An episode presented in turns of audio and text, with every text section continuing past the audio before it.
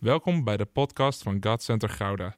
Vanaf deze plek willen we jou inspireren, motiveren en activeren om op een praktische manier je dagelijks leven met God vorm te geven.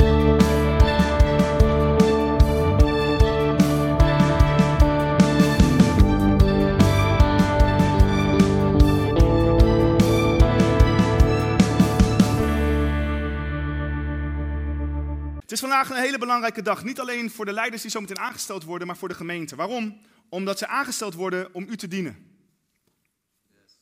God dienen we sowieso als het goed is, als kind van God. Maar om de gemeente te dienen in een formeel ambt is wel een dingetje. En daar wil ik zo wat over delen. Wij geloven eh, niet alleen in gezonde kerken, maar ook in gezonde leiders. Eigenlijk is het zo, een gezonde leider produceert of brengt voort een gezonde kerk. En een ongezonde leider En helaas, in het lichaam van Christus zijn, is niet altijd alles ge- gezond. En is er ook soms ja, ongezond leiderschap. En dat geeft soms hele nare dingen. En daar hebben, ik, een poosje geleden sprak ik over christelijke sectes op een bijbelschool, op een training. En toen vroeg ik aan het einde van de training, hoeveel komen uit zo'n sectarische gemeente? Toen stak een derde zijn hand op. Het zal hier misschien niet veel anders zijn. Ik zeg altijd, het liefst hebben we van de straat, maar de realiteit is dat vaak ook mensen uit andere kerken komen. Die ook weer waar je open voor moet staan en moet zegenen. Maar als jij te maken hebt gehad met manipulatie, of intimidatie, of misbruik, op welk vlak dan ook, zeker in de kerk, dat, dat gaat vaak heel diep. En dat is wat we niet willen. En daarom focussen we ook op gezond leiderschap. Ik geloof ook gezonde geest, gezonde ziel en een gezond lichaam. Zijn alle drie belangrijk. En in leiderschap helemaal, want de Bijbel leert zo leider. En aan de andere kant is ook, is ook waar, uit het volk komt ook weer leiderschap voort. Dus daar is een hele belangrijke en kostbare wisselwerking in. En vandaag wil ik even met je spreken over een gezonde kerk zijn en gezond leiderschap. Ehm, hoe ziet de gezonde leider eruit? En wat is het, eh, ja, het voorbeeld wat je mag zien en wat dan ook gevolgd mag worden? Daarnaast voor iedereen die aangesteld wordt in Christus, hoe vervul je je taak zodat Jezus wordt verheerlijkt in je bediening? André, want daar gaat het om. Esmee, hoe vervul je je taak zo dat Christus wordt verheerlijkt in alles? Want je wordt aangesteld vandaag niet. Ja, wij bevestigen dat als mensen, maar het is als bediening bevestigen dat in God. Zo eigenlijk word je aangesteld door God vandaag. Door Christus. En wij bevestigen dat als lichaam. Ik ga het zelfs nog geestelijker zeggen. Ga ik je zo meteen die tekst laten geven. Voor de grondlegging van de wereld had God al op deze dag bepaald. Voor jullie. Ik ga je straks die tekst geven. En al bepaald, en hij wist al lang wat er in jou zou zitten. Hij, zou, hij heeft het zelf ingeplaatst. En als dingen dan op het moment daar zijn, dan komt een moment van aanstelling, zodat je ook gereleased wordt in dat leiderschap. Met het doel om de gemeente te dienen. En de laatste vraag, wat zijn de taken van een leider in de christelijke kerk, in een gemeente, in een plaatselijke gemeente? Ik heb drie hoofdpunten. Het eerste is dienen. Iemand zegt dienen. Oké, niet alleen de eerste rijen. Prediken doen we samen. Ook die oudere mensen achterin. Zeg dienen. Achterin dienen. Oeh, oh, oh, oh. Ik moet het nog een beetje loskrijgen hier, merk ik. Zeg, zeg, zeg maar even na. Prediken. Doen we. Samen. Aanbidden. Doen we. Bidden. Doen we. Nou, iedereen begrijpt dat als het gaat over gebed en aanbidding, maar over prediking is dat ook zo. U kunt door uw ogen en door uw lichaamstaal mij heel veel feedback geven. Laat staan door u amen, halleluja. Of u gaat op de stoel staan. Zeg, kom maar, predik het, eindelijk. Ik kom vaak in zulke plaatsen waar dat gebeurt. Ik ben dat gewend. Ik word zenuwachtig als u stil wordt, laat me het zo zeggen. Val mee hoor. Kom maar, ik, vind het niet erg. En als je niks vindt, schud dan maar nee. Niemand ziet het behalve ik. Vind ik ook niet erg. Dan laat mensen zien dat het iets met je doet. Er is niks zo erg als apathische christen in een kerk. Oké, oké. Dat, is een... Dat is een preek voor een andere keer. Oké, zeg even hoe hoger je hoed. Hoe lager je moet. Dat is dienen. Hoe hoger je hoed, hoe lager je moet. En ik heb gezien hoe meer wij groeien en bloeien in de bediening, hoe lager we moeten gaan. En hierin geloof ik ook in het hart van Jezus. Als je je Bijbel bij je hebt, sla even met me op in Johannes hoofdstuk 13. En ik wil eigenlijk beginnen te lezen in vers 13. Johannes 13, vers 13. 13 is een geluksgetal in de Bijbel, dus dat komt heel goed uit. Wie woont er op nummer 13? Huis nummer 13. Goed zo, God zegen. Je bent extra gezegend als je op nummer 13 woont. Ik woon ook altijd, nu wonen we op 133, dat is 13 plus 3. Daarvoor woon ik op nummer 13. Alright, Johannes 13, 13. Bent u daar? Als je daar niet bent, zeg wacht even. U bent gewend te staan, dus u mag staan. Nou, volgens mij moet u staan hier. Halleluja. God is goed of niet? Oké, ook achterin. God is goed of niet? Amen. Alright, Johannes 13, vers 13. Jullie zeggen altijd meester en heer tegen mij. En terecht, want dat ben ik ook. Als ik, jullie heer en jullie meester, je voeten gewassen heb, moet je ook elkaars voeten wassen. Ik heb een voorbeeld gegeven. Wat ik voor jullie heb gedaan, moeten jullie ook doen. Waarachtig, ik verzeker jullie, een slaaf is niet meer dan zijn meester en een afgezant niet meer dan wie hem zendt. Je zult gelukkig zijn als je dit niet alleen begrijpt, maar er ook naar handelt. En het hele volk zegt? Oké, dat waren tien mensen. Ik zeg het hele volk zegt? Amen. Je kunt plaatsnemen.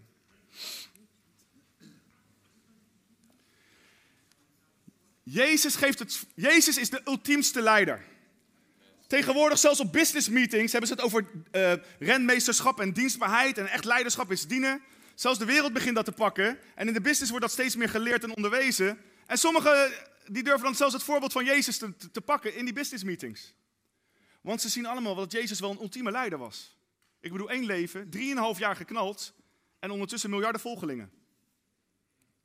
Nou, dan heb je wel iets heel goed gedaan. Wij weten in het geloof wie Jezus is. Maar als leider was hij een unieke leider. Als je wil leren over leiderschap, kijk altijd naar het leven van Jezus. Als je vragen hebt over je leiderschap, kijk naar het leven van Jezus. Hij zegt, ik heb zo gediend en een voorbeeld voor jullie achtergelaten, opdat jullie ook zullen doen wat ik heb gedaan. Het hele christelijke leven is erop gericht dat je zal doen wat Jezus heeft gezegd. Daar zit de kracht, in het doen. En qua leiderschap ligt dat ook altijd in het dienen. De kracht zit voor ons in het dienen en in niets anders. Kijk in vers 1. Ik neem even het verhaal met je mee van die voetwassing. Want hij eindigt dit gesprek en hij zegt, dit voorbeeld heb ik voor jullie gegeven. En hij heeft hier over het voorbeeld van het voeten wassen. Het was kort voor de Pesachfeest. Kort voordat Jezus heen zou gaan, zou sterven aan het kruis. Jezus wist dat zijn tijd gekomen was en dat hij uit de wereld terug zou keren naar de Vader. Hij had de mensen die hem in de wereld toebehoorden lief. En zijn liefde voor hen zou tot het uiterste gaan. Wat is het principe van leiderschap? Dienen vanuit liefde. En de Bijbel zegt, Jezus' liefde ging tot het uiterste voor zijn mensen. En de verantwoordelijkheid die jullie zo meteen krijgen, is om lief te hebben en te dienen. En als we kijken naar het voorbeeld van Jezus, hij ging tot het uiterste. We hebben net onze geestelijke vader, uh, die is heen gegaan. En ik kwam wel altijd, van mijn pastor altijd getuigen van vroeger, hij ging tot het naadje voor alle mensen. Hij ging echt tot het uiterste. Gisteren ook, er was iemand uh, in het ziekenhuis en ik dacht ook van ja, weet je, ik kan ook niet gaan. Ik, we, hebben, druk genoeg gehad, maar ik dacht nee, nee, nee. Jezus zou, wat zou Jezus doen? Die zou ook langs gaan. Ik, ik, ik, kwam. Zei, dat is nog ineens familie geweest. Ik zeg, nee, kom als eerste. Maar ik denk, ja, Jezus deed het. Hij ging tot het uiterste voor alle mensen. En zeker in het bijzonder voor hen die hem zijn toevertrouwd. De twaalf en de zeventig en de, de mensen om hem heen. Hij ging tot het uiterste om hun te dienen. En kijk, het verhaal gaat verder. En dan staat er vers 2, Jezus en zijn leerlingen hielden een maaltijd. De duivel had intussen de Judas, de zoon van Simon Iscariot, ertoe aangezet Jezus te verraden. Jezus die wist dat de Vader hem alle macht had gegeven, dat hij van God was teruggekomen, sorry, was gekomen en weer naar God terug zou gaan. Stond tijdens de maaltijd op. Hij legde zijn bovenkleed af, sloeg een linnen doek om en goot water in een waskom. Hij begon de voeten van zijn leerlingen te wassen en droogde ze af met de doek die hij omgeslagen had. Dit is leiderschap. Ik sla, even een stukje van Petrus over. Vers 12. Toen hij hun voeten gewassen had, deed hij zijn bovenkleed aan en ging weer naar zijn plaats. En hij zei, begrijpen jullie wat ik aan jullie heb gedaan? Op een dag was ik cornflakes aan het eten en ik las dit verhaal. Plotseling opende mijn ogen, de Heer mijn ogen. En hij liet me zien, dit is het hele evangelie. Vers, vers 3. Jezus wist dat de Vader hem alle macht had gegeven en dat hij van God was gekomen en dat hij weer naar God terugging. Jezus legde zijn leven af niet uit zwakheid, maar uit kracht. Leiderschap gaat dienen niet uit zwakheid, maar uit kracht. Je weet wie je bent en daarom dien je. Heel veel mensen vandaag, ja, die gaan dienen, want dan voelen ze, eh, krijgen ze een goed gevoel, want dan zijn ze toch positief bezig. Jezus diende niet om een goed gevoel te krijgen. Hij wist wie hij was, hij wist waar hij was, maar hij daalde af naar de lagere aardse gewesten, staat er. Hij daalde af om u te brengen waar hij zou zijn. En wetende wie hij was, staat er in vers 4, hij stond tijdens de maaltijd op. Hij legde zijn bovenkleed af. Hij legde zijn positie, Filippenzen 2, hij legde zijn eer af. Hij legde zijn glorie af. Hij legde zijn hemelse mantel af, zijn bovenkleed. Hm. Hij sloeg een linnen doek om. Hij werd mens. Woe. En goot water in het waskom. Hij werd gevuld met de Heilige Geest. En hij begon de voeten van zijn leerlingen te wassen. Hij begon te dienen. Dit is zijn leven helemaal samengevat. Hij droogde ze af met de doek die hij omgeslagen had, met zijn eigen lichaam. Eindigde aan het kruis. En dan komt vers 12, toen hij hun voeten gewassen had. Na drieënhalf jaar. De leerlingen alles had geleerd. De, mensen ultiem had gediend. Deed hij zijn bovenkleed aan. Hij ging weer terug naar de plaats waar hij vandaan kwam. En nam weer plaats. Aan de rechterhand van de Vader. Dit is het hele evangelie. Als je dit begrijpt, begrijp je het hele evangelie. En dit is leiderschap. Dit is wat een leider doet. Hij weet wie hij is. Hij kiest er bewust voor uit kracht om af te dalen. Hij is afgedaald, hij gaat voeten wassen. Voeten wassen betekent het hoogste van jou gaat naar het laagste van die ander. Naar het viesste van die ander. Want vroeger, de voeten waren het viest. Als ze al sandalen hadden, was het nog vol, met zand. Dus het hoogste van jou naar het laagste van die ander. Dat is Jezus. Dat betekent het hoogste, het grootste. Kijk, straks en nu al, je, wat je doet als je dient, je, je vloeit in je gaven. Het, het mooiste wat je hebt is de gave die je hebt ontvangen. Gave om te prediken, gave om te onderwijzen, gave om te worshipen. Het mooiste wat je hebt waar je mensen mee dient is jouw gave. En daarmee ga je naar het laagste van de mensen toe. Naar de laagste mensen. En naar het deel van de mensen waar de nood is. Ik zeg altijd, liefde vloeit naar het laagste punt. Water vloeit naar het laagste punt. De liefde van Christus vloeit ook altijd naar het laagste punt en naar het laagste mens. Als Jezus hier rond zou kijken, zou wel doen, zou hij naar degene kijken met de meeste nood nu hier. Hij zou die leiderschap aanstelling misschien even laten zitten om eerst u te gaan bedienen. En hey, hey, kunnen we misschien ook nog wel doen. Ja, u bent hier nu toch. Misschien meegekomen vanwege een of ander familielid. Maar Jezus op het oog. Amen. Dit is het voorbeeld van een gezonde leider voor mij. Niet dienen uit angst voor straf. Dat je, of om een wit voetje te halen bij de baas. Maar vol bewust van wie je bent. Bereid je te vernederen en bereid andere mensen te verhogen. Leiderschap is niet bezig met zichzelf, maar is bezig om anderen te dienen. Ik zeg nog één keer dienen. En dan zegt Jezus in, eh, in de versie hierna, zalig ben je als je dit doet. Nou, ik mag het van mijn vrouw niet zoveel meer doen. Maar ik, ik had een periode in mijn leven dat ik heel veel voeten waste. Dat betekent gewoon, ik pakte gewoon een bak met water en dan riep ik jou, even als voorbeeld, gewoon maar eventjes die zaal in te lopen. En dan pakte ik jouw hand en dan nam ik je mee naar voren, liet ik je zitten op de, op de stoel, liet ik je schoenen en sokken uittrekken, ging ik je voeten wassen. En dat heb ik heel vaak gedaan. In de Chinees, ik, ik werd geïnspireerd door een boek over een Chinese broeder die dat... In de Chinese kerk was hun gewend elke dienst dat te doen bij elkaar. In de Chinese kerk doen ze, in bepaalde denominaties, doen ze dat elke dienst. Gaan ze voeten wassen. En ik las dat en denk, ja, Jezus zegt, zalig ben je als je dat doet. Ik denk, ja, we kunnen het allemaal wel heel mooi vergeestelijken met elkaar. Daar zijn wij Nederlanders heel goed in. Maar je moet gewoon doen. Toch? De kracht zit er toch in het doen. Dus ik dacht, ik ga het doen. De bevrijdingen en genezingen die ik heb meegemaakt toen. Terwijl ik gewoon aan het voeten wassen was. Mensen die er gewoon helemaal zo aangeraakt en bevrijd werden. Ik heb het later ook wel eens voor leiders gedaan andere kerken. En op een gegeven moment, inderdaad, mijn vrouw het gelijk, op een gegeven moment was het ook genoeg. Was dat seizoen ook weer voorbij. Nee, serieus, want op een gegeven moment blijf je maar voeten wassen. Weet je, en dan gaat gewoon heel veel tijd in zitten. Maar, maar, maar voor mezelf was het ook gewoon goed, weet je. Bewust te zijn dat ik er ben daar om te dienen. En ik ben er ook om hun voeten vrij te zetten voor de bediening. Want dat is wat Jezus deed, hè. Hij zette hun voeten vrij voor de toekomst. Misschien hadden we jullie voeten moeten wassen vandaag. Zijn ze gewassen? Nee, geen probleem. Morgen. De kracht van leiderschap zit in het doen. Niet in onze visie.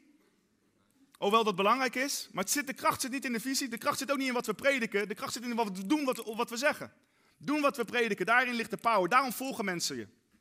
Mensen volgen je omdat ze zien dat je doet wat je predikt. Waarom volgen we Jezus? Omdat hij heeft gedaan wat hij heeft onderwezen. Amen. Waarom volgen we Paulus? Waarom volgen we Abraham? Al die voorbeelden in de Bijbel. Omdat ze hebben gedaan wat ze geloofden. En daarin zit ook onze kracht. Ik ben me heel goed van bewust. Mensen volgen ons omdat we doen. We kunnen spreken over, ja, je moet anderen vergeven. Maar als, je, als ze voelen dat er bitterheid zit in je eigen hart. Hé, hey, iemand hier. Als ze voelen dat er bitterheid zit in je eigen hart. Je bent maar aan het prediken, je moet anderen vergeven. Gaat niet worden. Praatjes vullen geen.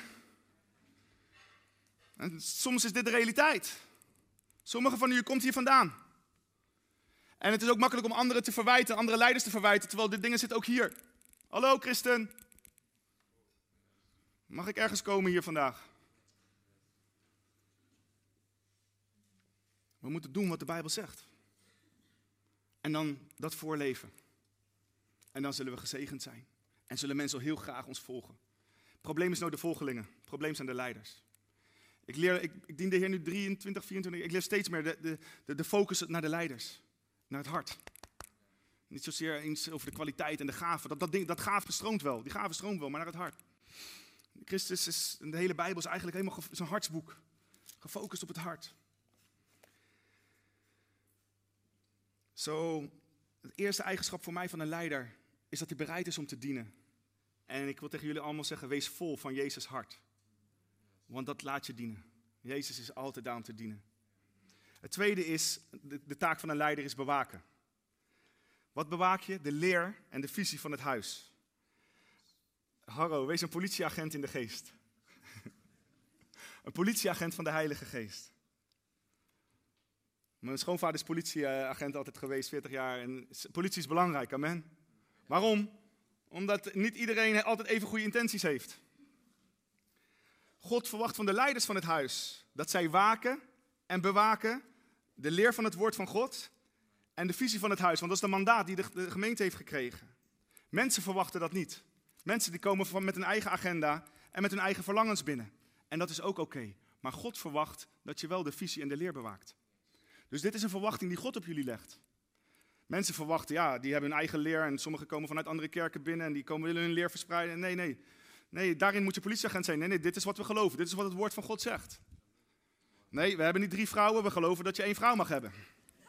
Etcetera, etcetera. Want het woord van God leert dat. Ja. Je wil niet weten wat we soms voor gekkigheid meemaken of horen. Het begint pas bij drie vrouwen voor sommigen. Mensen willen wat ze willen. Maar jullie worden aangesteld om Gods wil te doen en te gehoorzamen. In leiderschap mag geen plaats zijn voor het pleasen van mensen. Velen van ons, als we zwak voor zijn, zijn we nog vaak people pleasers. Daarom, ik geloof ook in sterke leiders. We zijn niet daar om mensen te pleasen. De Bijbel zegt, we zijn niet daar om mensen te behagen, maar om God te behagen. En dat betekent soms bewaken en bewaren. Ga even met me naar Handelingen 20. Ik heb twee teksten die ik even kort daarin wil noemen. Handelingen 20. Want er is niks nieuws onder de zon. Eh, vers 27. Hier is Paulus aan het woord en hij spreekt zijn laatste woorden tegen de oudste of ouderlingen in Efeze voordat hij verder zou trekken naar Jeruzalem.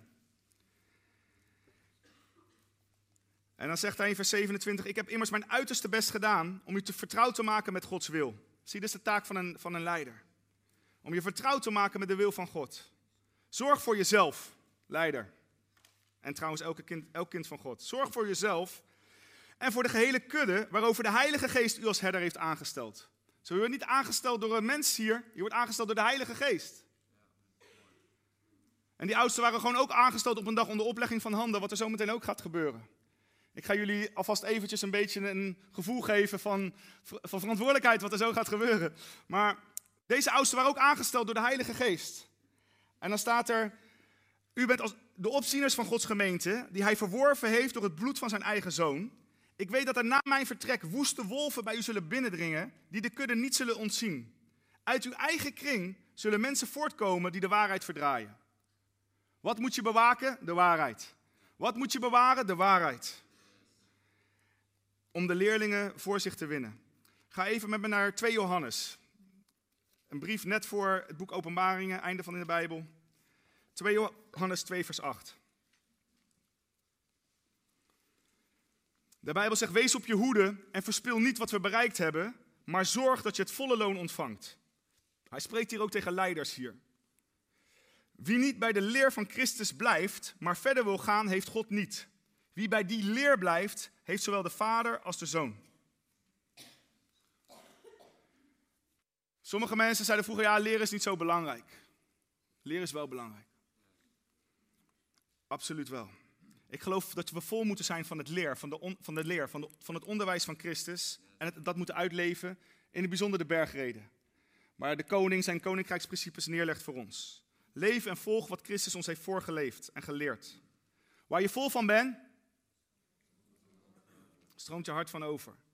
Dan pas ben je in staat om ook andere winden van leer te bestraffen en eventueel te corrigeren. Want vele mensen zullen binnenkomen om de gemeente te vormen naar hun beeld. Ik wil niet heel sterke profeet zijn met allemaal waarschuwingen, maar dit is gewoon de realiteit. Hoef je geen eens een profeet voor te zijn. De realiteit is dat heel veel mensen zullen binnenkomen om de gemeente te vormen naar hoe zij denken dat de gemeente moet zijn. Maar er is maar één blueprint.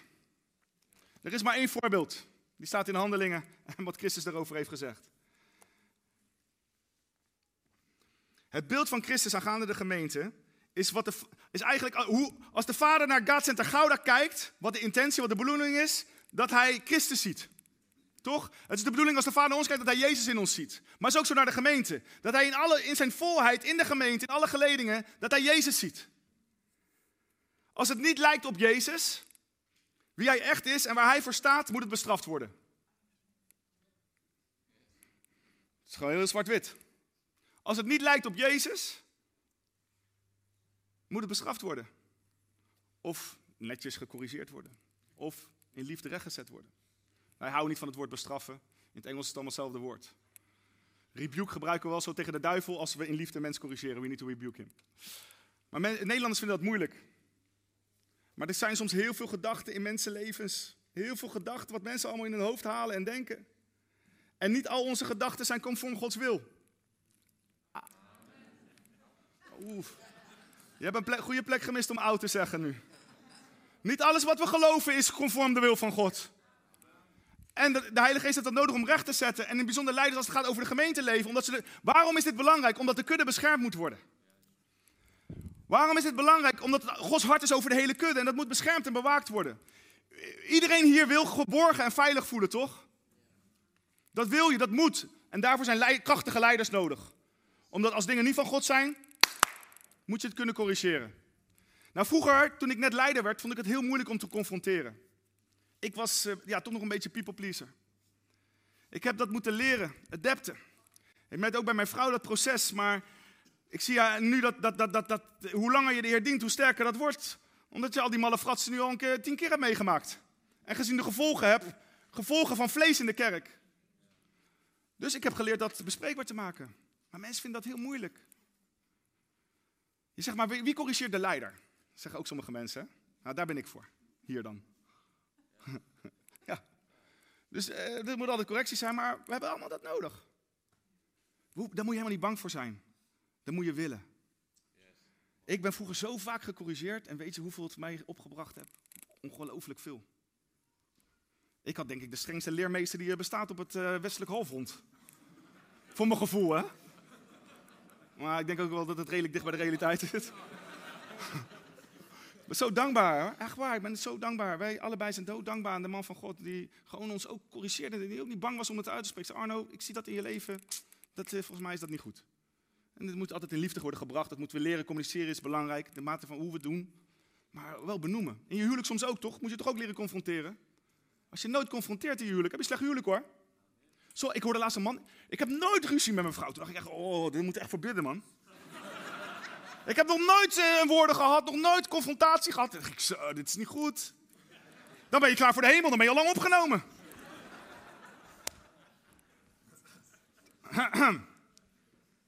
Oké, sommige vrouwen zeggen, ga even door, ga even door. Ik ga hier niet over verder. Leiders bewaken de leer en de visie van het huis, de kudde en de schapen, in het bijzonder de zwakkeren, de pasbekeerden, Mensen met psychische problemen en de armen. Want Jezus heeft gezegd, die zijn er altijd en die moeten beschermd worden. En daarvoor wees vol van Gods woord. Om te kunnen dienen, wees vol van Gods hart. Maar om te kunnen bewaken en bewaren, wees vol van het woord. Want dat laat ons de rechte weg zien. En ten derde, een leider is geroepen om te delen in het lijden. Ga even met me naar 2 Timotheus 6. Sorry, 2 Timotheus 1. Ik heb nog twee teksten voor u. En dan gaan we deze knappe mensen zelf hier vooraan zien. Jongen, jongen, Harro is als een uh, stropdas gekomen, man. Jongen, ik, had, ik heb me eventjes... Ik, oh man, ik heb, sorry broer, ik had eigenlijk even, ik heb me niet goed aangevoeld vandaag. Ik denk, Jeroen loopt altijd zijn gimpies en zo hier, weet je. Ja, ik kan niet maken om zo overdressed te komen, maar zo, hey, het ziet goed eruit, man. Hè? 2 Timotheus 1, ja, is mooi. Soms als je iets als je viert, moet je het gewoon goed doen, hè? Ja, tuurlijk, tuurlijk. 2 Timotheus 1, vers 6. Ja, ik kijk naar, uh, ik kijk naar ik kijk naar Jeroen. Ik denk, ja, ik kan niet uh, over de rest komen natuurlijk. Ik heb, me, ik heb snel maar mijn, uh, mijn pak in de kast gelaten. Maar ja, nu denk ik, oh. Halleluja. Deze tekst, echt, onthoud deze tekst. Want überhaupt alles wat ik jullie mee wil geven vandaag. Jeroen heeft me al een jaar niet uitgenodigd, dus ik moet alles eruit persen vandaag. nou. Twee, we doen het gewoon vanaf het podium hier allemaal, hè? Nee hoor. 2 Timotheus 1. Deze tekst zag ik aan het begin van het jaar en het heeft mijn leven echt op zijn kop gezet. Het heeft me zo'n diepgang gegeven aangaande mijn roeping en aangaande andere mensen roeping en eigenlijk de roeping van elk kind van God. Hoe diep Gods plan is. Het staat in 2 Timotheus 1 vers 6. De meesten kennen alleen vers 6 en 7. Maar ik lees tot en met vers 9. Daarom spoor ik je aan, zegt Paulus tegen Timotheus, zijn kind in het geloof. Hij zegt, daarom spoor ik je aan het vuur brandend te houden van de gave die God je schonk toen ik je de hand oplegde. God heeft ons niet een geest van lafhartigheid gegeven, leider, dienaar, maar een geest van kracht, liefde en bezonnenheid. Bezonnenheid betekent gezond verstand. God heeft je gegeven een geest van liefde, van kracht en van gezond verstand. Schaam je er dus niet voor van onze, om van onze Heer te getuigen, schaam je ook niet voor mij, die omwille van hem gevangen zit, maar, en dan komt het deel in het lijden voor het evangelie. Er is altijd een facet in leiderschap dat te maken heeft met lijden. Eigenlijk eh, geldt dat voor elke discipel en elk kind van God. Jezus zegt, neem je kruis op. En als je niet dagelijks je kruis opneemt, ben je mij niet waardig. Maar in het leiderschap is er ook iets. Vandaag neem je niet, krijg je niet alleen maar gaven geïmporteerd. Je krijgt alleen, niet alleen maar verantwoordelijkheid en een bepaald mandaat. Je krijgt tegelijkertijd een stukje lijden. Je krijgt stuk, tegelijkertijd een stukje kruis, als ik het zo mag zeggen. Maar de Heer leert, wees daar niet bang voor. Paulus zegt dat zelfs ook tegen Timotheus. Maar deel in het lijden voor het evangelie met de kracht die God je geeft. God geeft je niet alleen maar kruis, hij geeft je kracht om het te dragen. De Bijbel zegt, je hebt geen bovenmenselijke verzoeking te doorstaan, want God is getrouw. Hij zal met de verzoeking ook voor de uitkomst zorgen. Zo, God geeft altijd kracht om te dragen. Maar met leiderschap komt altijd een stukje lijden. En nou komt het, vers 9. Hij heeft ons gered. Amen. Maar hij heeft ons niet alleen gered, hij heeft ons ook geroepen tot een heilige taak. Dat geldt voor elk kind van God. Iedereen hier is geroepen tot een heilige taak. Christus heeft jou gered en geroepen. En die heilige taak die is niet in de hemel. Die heilige taak is op aarde. En God noemt die taak heilig. De Bijbel noemt die taak heilig. Je bent niet zomaar geroepen en dit gaat alleen maar over het aanstellen voor ambten, maar dat is voor iedereen die de Heer dient. Je bent geroepen tot een heilige taak. En het is belangrijk dat je ontdekt wat die heilige taak is in jouw leven. Want God heeft je daarvoor geroepen tot een heilige taak. En dan komt het niet op grond van onze daden. Niet omdat je zo'n geweldig mens bent. Niet omdat je het allemaal zo goed voor elkaar hebt. Niet omdat jij uh, heel veel goede werken doet en omdat je je tiende en offers geeft, of weet ik het. Je wordt niet geroepen op grond van je daden. God, André, heeft je niet geroepen op grond, van de op grond van jouw daden tot deze heilige taak. Maar omdat hij daartoe Dave, uit genade besloten had. God wou je juist includen in zijn plan. God wou je includen in zijn werk. God wil je gebruiken voor zijn, samen met hem te werken. En hij heeft daartoe in genade besloten. En dit is wat mij revolutioneerde. Deze genade was ons al voor alle tijden gegeven in Christus Jezus. Nou, toen kreeg ik even kortsluiting. Betekent voordat de tijden bestonden, voordat hemel en aarde waren geschapen, had God je niet alleen al ehm, in zijn, eh, eh, bedoeld om jou te redden. Hij had zelfs al een heilige taak voor jou klaargelegd. Oeh. God had daartoe in genade al besloten voor de grondlegging van de wereld. Bent u wakker nu? Ja, pak dit even voor je eigen leven en in bijzonder voor de leiders vandaag, omdat we een feestdag hebben voor jullie. God had in zijn genade al toe- daartoe besloten. En toen ging ik even terug om mij weg te zien in mijn, in mijn leven. Voor ja, voor mij werd Christus pas realiteit toen ik tot bekering kwam, wedergeboren op 20-jarige leeftijd. Maar in de genade van God, God wist dat al miljoenen jaren geleden, als ik zo mag zeggen. In de eeuwigheid. En hij had al besloten om niet alleen mij te redden, hij had ook besloten om mij de genade te geven en de heilige taak toe te vertrouwen. Om hem daarin te dienen. Wauw. Voor alle tijden. Nou, wat is een gezonde leider en een gezonde dienaar? Aan de hand van de tekst die ik hier kreeg voor mezelf. Eén, je wandelt in je gaven. Heel veel mensen die kennen wel hun kracht, eh, hun zwakheid, maar God wil ook dat je je kracht kent. Paulus herinnert Timotheus eraan, wandel in de gaven die je hebt ontvangen van de Heer. Weet je, we zijn soms goed in het exposen van onze zwakheid, maar God wil natuurlijk ook dat je glittert in glorie, in de gaven die Hij je hebt gegeven, om de andere mensen tot zegen te zijn. Hij wijst hem op je relatie met God, want je relatie met God bepaalt je moed. Hij wijst Timotheus, deel in het lijden en heb geen schaamte. Ik heb me voorgesteld, ik, schaam me, ik wil me dus niet schamen voor niemand. Niet, niet alleen schamen voor Christus, maar ook niet schamen voor zijn kerk. Niet schamen voor de lokale kerk hier. Niet schamen voor mijn broeders of zusters. Ik, ik, ik, ik ga me niet schamen. schamen. Schaamte is zo zonde van, oh, dat is een slechte emotie, jongen. Heel veel mensen schamen zich voor van alles en nog wat. Weet je hoe slecht schaamte... Ik ga er eens een keer over prediken, denk ik. Schaamte is een dodo, jongen. Als je, als je weet dat je vergeven bent, mijn broer, hoef je nergens meer voor te schamen. Als je weet dat God, Christus Jezus, jou vergeven heeft, alle schaamte zal moeten, van je moeten wegvallen. Nou, heel vaak worden we ons daar wel van bewust, maar nou komt die volgende stap naar schaamte toe. Ook dat moet wegvloeien. Niks meer om voor te schamen. Wij geloven eigenlijk altijd, alles wat je hier vanaf het podium niet durft te vertellen, ben je nog niet vrij van. Als jij hier op het podium je nog schaamt om dingen te vertellen over jouw leven, ben je nog niet vrij. Dus toen kwam ik tot de conclusie, zo, heel veel mensen zijn nog niet vrij. Want als ik ze vraag om een en ander te beleiden op het podium, willen ze nooit. Toch? Dat betekent dat je nog niet vrij bent. Paulus herinnert Timotheus aan, schaam je niet. Schaam je niet voor niemand, niet, ook niet voor mij. Schaam je niet voor het evangelie, schaam je niet voor de kerk. Maar deel in het lijden. Soms gebeuren er dingen waar je menselijk misschien voor, voor schaamt. In je eigen leven of in andere levens. Oh, als mensen dat wisten in de kerk. Als mensen dat wisten dat dat en dat, dat hoor ik soms hè. Als mensen dat wisten, wat dat en dat in de kerk. Hallo, de kerk is een ziekenhuis van zondaren. Die tot Christus komen. Hoe bedoel je? Ben je geen mens of zo? Heb je niet, je, je, niks menselijks is ons vreemd. Toch? We weten allemaal wat zonde doet, want we komen er allemaal vandaan. En we weten de processen, maar in de kerk, oeh, wist je dat dat dat in de kerk gebeurt? Hallo, wakker worden. Nuchter.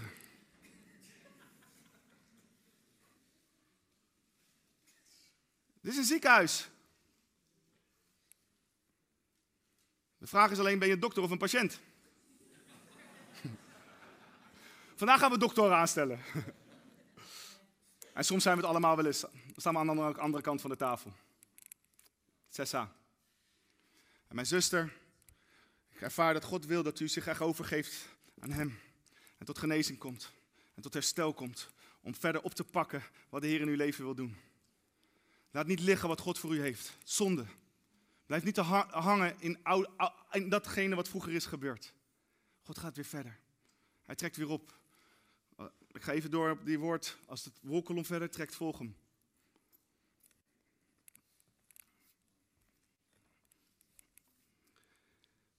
Word je bewust dat God je geroepen heeft tot een heilige taak. En ik vind het zo mooi. Die roeping is op basis van genade. Maar die roeping is ook op basis van zijn wil. God heeft dat gewild. En dat maakt het wel heel krachtig. Dat maakt het wel heel sterk, want er is niks zo krachtigs in deze, op de hele planeet als de wil van God. Alles wat er is, is ontstaan door de wil van God. Zoals je weet dat het Gods wil is. Ook als in, in de taak die je krijgt, in de bediening die je wordt toevertrouwd, dan kan je functioneren. Dat is power. En die roeping was al voor de grondlegging van de wereld. Het leert mij niet alleen vol te zijn van Jezus hart, niet alleen vol te zijn van Jezus woord, maar ook vol te zijn van Jezus roeping. En dat lijden, de Bijbel zegt het is zelfs vreugde in Romeinen 8. Zo, het leert mij gezonde leiders te dienen, gezonde leiders waken en gezonde leiders lijden vanwege de roeping. Als laatste één boekje voor 1 Timotheus 1. Ik heb een opdracht meegekregen om 15 minuten te prediken. Ik kreeg een beetje genade van uh, Anjo. En nog een, een beetje extra van de pastor. 1 Timotheus 1 vers 18.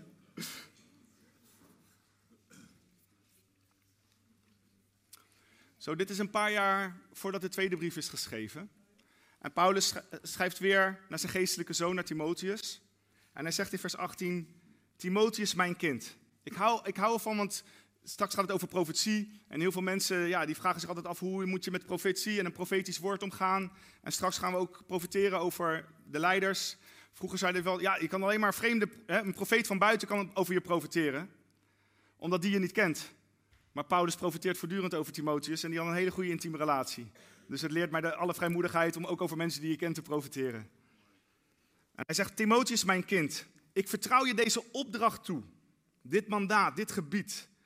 En Timotheus moest de gemeente leiden later in Efeze.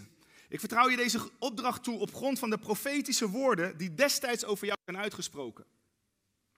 Laten die je tot steun zijn in de goede strijd, die je toegerust met geloof en een zuiver geweten moet voeren. Paulus schrijft naar Timotheus, mijn kind, ik vertrouw je deze, dit speciale gebied toe. En jullie krijgen allemaal vandaag in de Heer, in de geest, een gebied toegewezen van de Heer. En het kan, en Gods verlangen is dat het groeit en wellicht komen er andere momenten. Toen ik net vooraan stond, voelde ik dat de volgende moment dat leiders worden aangesteld wellicht niet meer hier in dit gebouw zal zijn. Voor de groei in de komende jaren, want dit is pas het begin. Ook qua leiderschap, aanstelling en verbreding van het huis, verbreden van pilaren, verbreden van het leiderschap. Maar het is vanuit relatie. Hij zegt, Timotheus, mijn kind, ik vertrouw je deze opdracht toe op grond van de profetische woorden die destijds over jou zijn uitgesproken. Paulus, ik noem dit relationele profetie. Dat is nog wat anders dan profeten van buiten. Jullie hebben dat helaas een paar keer maar nog maar meegemaakt, maar komt wel wellicht, zo God wil, in de komende jaren wel meer profeten van buiten met de profetische bediening. En, en die, die profeteren. Maar dit was relationele profetie. Van Paulus naar Timotheus en wellicht waren de andere leiders ook bij uh, aanwezig. Ik vertrouw je deze opdracht toe op grond van de profetische woorden. Die destijds over jou zijn uitgesproken, laten die je tot steun zijn. In mijn leven, als ik soms denk over de mandaat en de opdracht die God me gegeven heeft, even heel persoonlijk, wat mij tot steun is, als ik soms heel diep zit, zijn de profetieën. Dan ga ik terug naar wat God, en dan bedoel ik met zuivere profetie, wat door Gods geest kwam. Dan ga ik terug naar wat God tegen me heeft gesproken. Dit jaar was voor mij ook echt een jaar van storm. Er gebeurde van alles in mijn leven, in mijn bediening, in de gemeente. En ik kon terugvallen op een profetisch woord dat ik van de Heer had ontvangen in het begin van het jaar. En die, dat, dat profetisch woord was mij tot steun. Dat was mijn kracht, dat was mijn sterkte.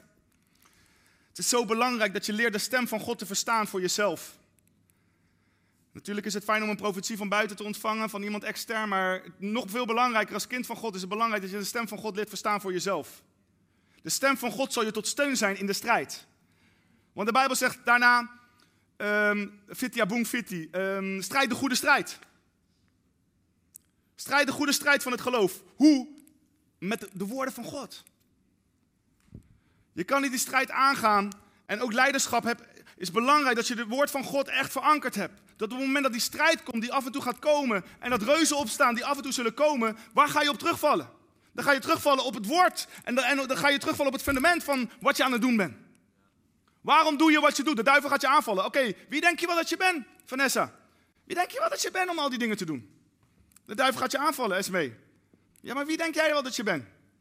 De eerste keer dat ik naar Congo ging en een pastorsconferentie hield, we waren in een soort appartementje we waren daar, dat was de eerste keer, dat was in 2013 of zo. Uh, uh, nou, uh, dacht ik bij mezelf, ja, weet je, ja, ik ben eigenlijk ook wel een broekie. Ja. En ja, wat ga ik nou die mensen onderwijzen? Vele mensen zijn veel langer in de bediening dan ik. Er waren er ook nog 600 gekomen. De tweede keer 6000. Maar in ik werd aangevallen in mijn, in mijn appartement voordat ik naar binnen ging. Wie denk je wel dat je bent? De duivel in één keer die sprak. En toen had ik in één keer terug te vallen. Profetieën die over mij veel daarvoor zijn uitgesproken. Ze nee, nee, dit is wat mijn taak van God. Ik ben hier gezonder door God en dat is je kracht. Ja, ik ben gezond als oudste hier in Kaatcenter Gouda. Ik ben gezond als, ik ben als leider hier. Je moet weten dat het de wil van God is. Daarom is profetie zo belangrijk. Dat bevestigd is voor jou wat God wil. En dat bevestigd is door het lichaam. En daarom zijn we hier om jou te bevestigen in het ambt. Dat je krachtig kan functioneren in je leiderschap. Het is niet zomaar dat wij jou aardig vinden. Of we vinden dat je leuk bent. Of uh, ja, jij geeft tenminste goed geld aan de kerk. Nee, nee, nee. Dat is niet de voorwaarde voor leiderschap. We hebben dienstbaarheid gezien. We hebben waakzaamheid gezien. We hebben een roeping gezien. Deze drie aspecten. En voor jezelf moet je ook weten, God heeft me geroepen. André, als mensen straks komen, of de duivel komt om je te laten twijfelen aan je roeping, je moet weten, nou, God heeft me geroepen. Ik ben hier niet om mensen te pleasen. Ik ben hier om God te behagen en daarom, daarom dien ik de mensen. Ik geloof zo in krachtige leiders. Maar krachtige leiders is niet wat de wereld ervan maakt. Is dienen. En een nederig hart. Maar wel in, staan in je autoriteit. Want de duivel heeft geen goed Die heeft niks goeds voor met de gemeente. Nog een keer. De duivel heeft geen enkel goede gedachte over de kerk. Hij wil maar één ding: de kerk kapot maken. Hij heeft maar één focus. Hij heeft maar één doel. Hij wil de kerk kapot maken. Maar Jezus zegt: de poorten van de hel woe, zullen haar niet overweldigen. Als je je leven bouwt op Hem en op Zijn woord. Je bent onwankelbaar. Niks gaat er gebeuren wat je kan laten wankelen. Als je, leven, als je wandelt met de Heer. Oh, kan ik amen horen hier op de eerste rij? Het is stil. Als je, als je, als je wandelt met de Heer, ik geloof dat echt, je bent onwankelbaar. Welke storm, welke wind, jij staat gewoon. Ja, je weet wie je bent. Je weet wie je bevestigd heeft. Je weet wie je gezonden heeft. En je, je, je hart is puur om te dienen. De duivel kan niks met je doen. Jezus zei, de duivel heeft aan mij... Hoeveel? Hoeveel geld? De duivel heeft niets aan mij. Hij wist wie hij was en hij wandelde met zijn vader. Klaar. Profetie gaat je helpen, die is je tot steun. Daarnaast zegt Paulus hier geloof. Toegerust met geloof. Met een diep vertrouwen in God. Sifra. Met een diep vertrouwen in God. Strip alle dingen. Hou je diep vertrouwen in God. Hij is met je en je doet gewoon wat hij van je vraagt. En met een zuiver geweten. Deze is ook heel belangrijk. Dat we de Heer dienen met een zuiver geweten. En als je geweten je corrigeert, luister ernaar. Dat geldt voor ons allemaal. De Bijbel is er heel veel aan gelegen dat we ons geweten zuiver houden. Want als je eigen corrigerende factor van binnen je niet meer corrigeert, of je luistert er niet naar, dan heeft dat ook gevolgen. Invloed, podium is invloed. Zoals ik niet naar mijn eigen geweten luister, dan komt dat ook over u. En dat wil je niet, toch? Of wilt u dat graag? Dat er uh, leiders zijn die niet naar hun geweten luisteren. Wie wil dat graag? ga straks uh, daar voor je bidden, hier rechts. En maar dat is zo in je eigen leven. We moeten leren luisteren naar onze geweten. Hou je geweten zuiver. En je zuivere geweten is je tot steun. Want het zorgt ervoor dat je de rechte weg blijft zien en blijft weten. Wauw. En gezonde leiders, geloof me, zorgen voor een gezonde kerk. In Nederland, wij eren leiderschap niet echt. Wij waarderen dat niet zoveel. Als je kijkt naar Amerika of naar andere landen, naties, eigenlijk bijna alle naties in de wereld, behalve, hier West, behalve Nederland, we hebben voor mijn gevoel. Wij eren leiderschap niet echt. Wij waarderen dat niet zo. In Amerika, joh, er worden leiders altijd, soms is het een beetje te, begrijp me, wij vinden al snel alles te, maar soms zijn dingen snel wat te. Maar leiderschap is kostbaar. Hoeveel bid je echt voor je leiders? We zeggen altijd, ja, bid voor je leiders. Maar hoe vaak doe je het echt? Hoeveel uren heb je op je knieën doorgebracht om te bidden voor je leiders? Weet je wat iemand een keer zei? Hij zei, als een, gemeen, als een leiders, leider valt in zonde, weet je hoe dat komt? Omdat de gemeente niet gebeden heeft. is niet helemaal de realiteit, maar ook weer wel. Wat een heftige statement vond ik dat. Als een leider valt in zonde, komt dat omdat de gemeente niet gebeden heeft. Denk daar eens over na. Wie, wie gelooft hier in de kracht van gebed? Nou, nu in één keer gaan niet alle handen omhoog. Als ik het uh, een minuut geleden had gevraagd, hadden alle handen omhoog gaan. Toch? Ja, maar iemand heeft ook zijn eigen keuze. Ja, maar zijn om gebed te ondersteunen. Je kan iemand zegenen. Je kan iemand maken en breken met je gebed. Als jij dingen ziet, weet je wat we vaak zien? We zien iets verkeerd bij een leider en we gaan het gelijk, we gaan het gelijk zeggen. Ik geloof, breng eerst eens een half jaar door in gebed en dan zeg je al hele andere dingen naar die, tegen die persoon na een half jaar. En beeld je ook eens in hoe het is aan de andere kant. Om zelf die verantwoordelijkheid te dragen. Weet je hoe zwaar het is? Om voor een kudde te zorgen. Waarvan schapen allemaal dezelfde andere kant op willen. Hoeveel vinden het soms zwaar om, je gezin te leiden? Oké, al die andere handen mogen ook zo naar voren komen voor gebed. Is een ding of niet? Zeker als je tieners krijgt. Dat is niet makkelijk. Nou, moet je je voorstellen, nou heb je 600 of 800 of 300 van die pepernoten. Is niet makkelijk. En in plaats van klagen, in plaats van murmureren, begin te bidden. Dit is, ik moet je hier zeggen, prediken is voor een enkeling. Bidden is voor iedereen. Bidden is de hoogste bediening die er is. Oh, bidden is de hoogste bediening. En dat hart is voor iedereen. Als jij ziet iets wat niet gezond is of jou, in jouw ogen, echt waar, gebruik je knieën en je gaat zien dat ding veranderen. Amen. Bedankt voor het luisteren naar deze podcast. Volg ons op onze kanalen om verbonden te blijven. Heeft deze aflevering jou geraakt? Deel dan op je socials en tag ons, zodat we samen meer mensen kunnen bereiken.